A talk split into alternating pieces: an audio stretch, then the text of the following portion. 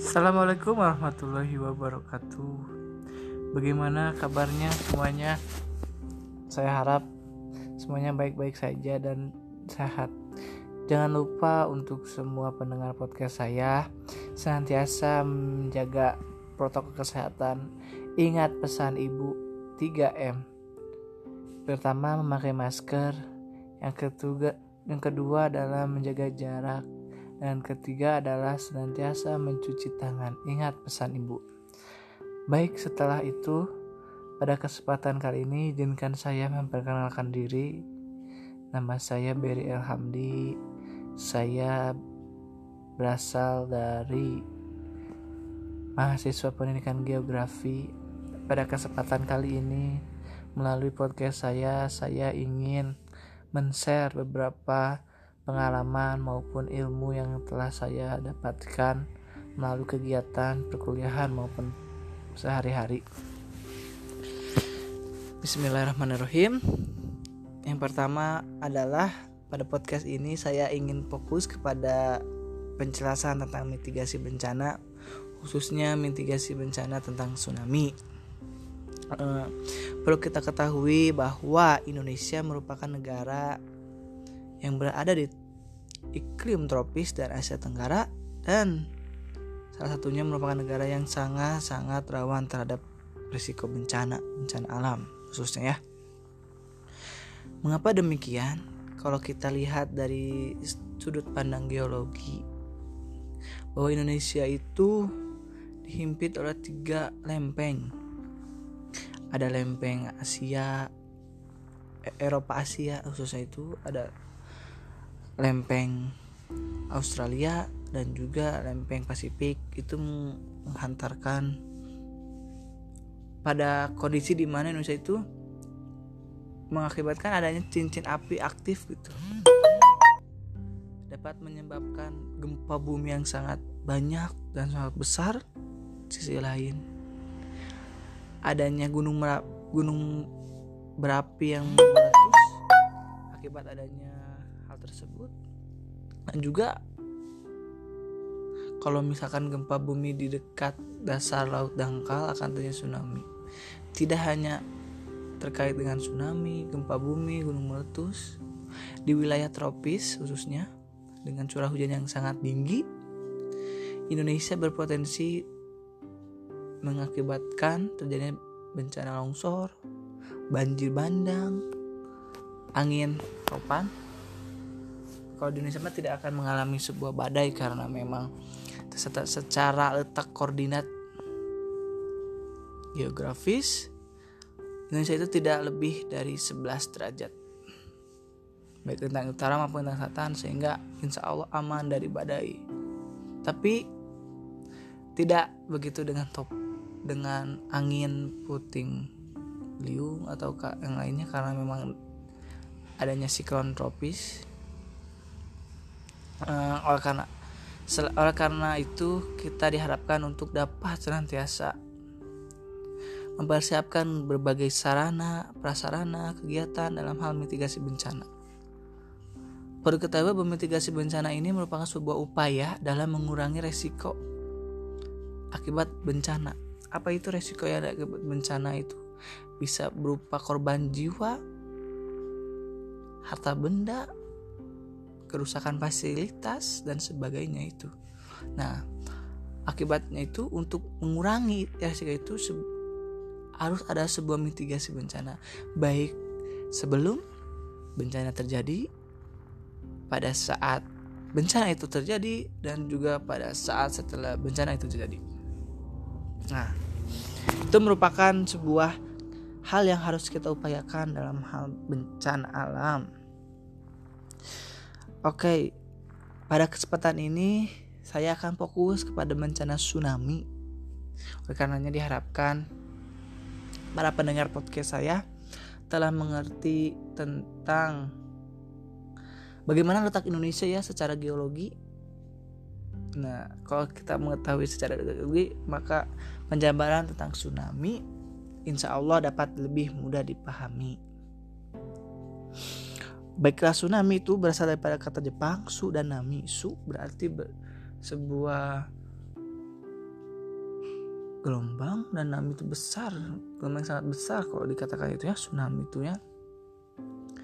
Nah bagaimana suatu gelombang itu dapat sangat besar dan menerjang pantai dan daratan? Nah ada beberapa penyebab yang menyebabkan tsunami itu dapat terjadi. Yang pertama itu adalah gempa gempa di dasar laut dangkal yang kedua adalah letusan gunung berapi bawah laut dan ketiga adalah longsoran longsoran tanah di dasar laut. Nah, pertama ya, kalau kita melihat tentang gempa dasar laut dangkal, nah, kita ketahui bahwa Indonesia itu memang tempatnya gempa ya, karena adanya tiga lempeng itu, tiga lempeng tektonik khususnya itu.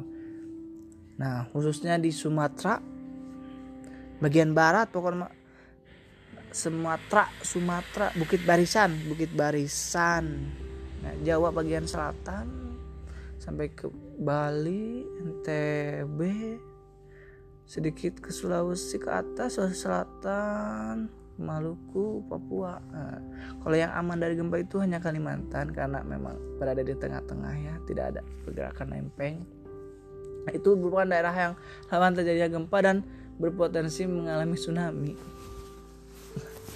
Itu. Kalau misalkan letusan gunung berapi bawah laut sangat mungkin terjadi sangat sangat terjadi ya. Kenapa? Karena memang kalau lihat dari letak geologi itu kita itu cincin api itu pegunungan Alpen pegunungan Himalaya siklus pegunungan itu maksudnya siklus maksud saya itu siklus maaf nah, bagaimana kita eh, menghadapi suatu eh, resiko bencana ya tsunami itu yang pertama itu ya kita itu harus menyiapkan sebuah kesiapan mental khususnya masyarakat ya yang ada di Indonesia itu bahwa kita itu harus sadar bahwa kita itu memang hidup di rawan bencana. Nah, kalau kalau kita sadar di rawan bencana, maka semua kegiatan aktivitas kita, baik aktivitas produktif, ya baik perekonomian ataupun rumah e, kependudukan itu harus senantiasa memperhatikan alam dan juga bagaimana menyelamatkan dan mengurangi resiko itu sendiri. Nah, untuk ciri-ciri tsunami ini, untuk ciri tsunami saya ingin menyampaikan beberapa hal. Ketika di tsunami Aceh ya, itu satu tsunami Aceh yang paling sangat teringat pada tahun 2004. Nah, ya. Diakibatkan oleh gempa dangkal ya. Dangkal itu dengan kedalaman 10 km gitu ya. Dangkal itu. Dengan kekuatan 9,4 skala Richter. Mengakibatkan suatu gelombang yang menghantam daratan Aceh setinggi lebih dari berapa meter ya? 5 mungkin ya. So, kalau, kalau salah saya saya maaf nah itu merupakan salah satu contoh tsunami. Pada tahun 2 di apa ya di Sumatera lain Sumatera Barat kalau salah ya. Kepulauan Mentawai. Maaf itu tsunami tahun 2000 berapa ya? Saya saya lupa itu antara 2010 2012 itu. Ya mungkin itu. Kalau yang tanggal terjadi itu di Jepang. Tsunami itu hampir terjadi lah di Jepang tsunami tsunami besar ya. Yang terakhir itu tsunami yang menghantam daratan Jepang. Kalau Indonesia yang terakhir itu mungkin tsunami Palu ya karena memang dekat dengan laut. Terjadi sebuah ombak yang sangat besar yang menghantarkan sebuah kota Palu, Sulawesi. Lantas bagaimana kita menyikapi kegiatan ataupun risiko bencana tsunami yang pertama adalah sebelum bencana tsunami harus adanya suatu peringatan dini ya yang dikeluarkan oleh BMKG dan pada saat ini insya Allah saya telah membaca-baca literatur sudah BMKG sudah secara maksimal mengeluarkan peringatan ini tsunami melalui stasiun meteorologi dan klimatologinya Badan Meteorologi dan Geofisikanya waktu saya itu di sekitar pantai. Nah alat geofisika badan stasiun Badan Meteorologi Klimatologi Geofisika. Yang kedua adalah persiapan bahwa masyarakat itu harus peka gitu. Kalau terjadinya ciri-ciri seperti uh, air surut secara mendadak hewan-hewan berlarian ke arah daratan khususnya burung ataupun yang ada di pantai itu ya burung kalau monyet mereka pergi menuju daerah yang merasa ter, terancam gitu. Itu merupakan ciri-cirinya. Yang kedua mungkin kita harus tidak panik itu tidak panik. Dan harus siap-siap gitu menuju ke arah yang lebih tinggi daerah yang lebih tinggi dari pantai menjauh dari bibir pantai untuk menghindari ombak. Nah selanjutnya mungkin dari peringatan-peringatan tsunami seperti adanya papan jalur evakuasi yang harus dibuat oleh Badan Penanggulangan Bencana Daerah agar dapat bahwa oh ini orang harus ke sini melewati jalur ini untuk itu. Itu mungkin ya. Pada saat bencana terjadi kita senang harus di atas kalau di bangunan di atas mungkin ya. Harus bisa berenang mungkin. Membawa kotak P3K senantiasa yang berisi makanan untuk dua hari minimal ya. Minuman obat-obatan. Nah untuk pada saat itu teh pada saat tsunami itu kita dapat bertahan untuk beberapa hari ke depan. Setelah adanya mitigasi pasca bencana. Nah, untuk pasca bencana mungkin pemulihan kot, eh, daerah terdampak tsunami ya seperti evakuasi korban jiwa evakuasi orang terdampak harta benda dan sebagainya. Setelah itu ditampung dalam sebuah base eh, base apa namanya itu ya? Sebuah tempat dalam hal korban tsunami bagaimana itu?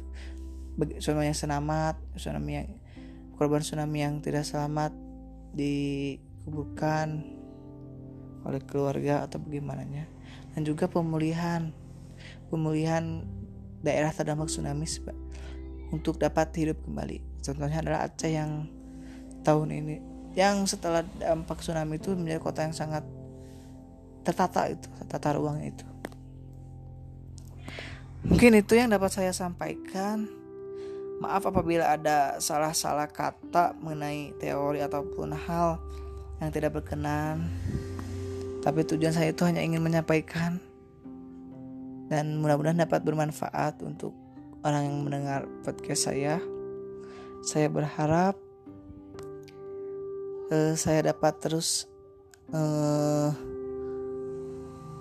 merekam podcast dalam kehidupan sehari-hari saya melalui sumber sendiri maupun oleh saya sendiri. Dan jangan lupa untuk mendengar. See you. Assalamualaikum warahmatullahi wabarakatuh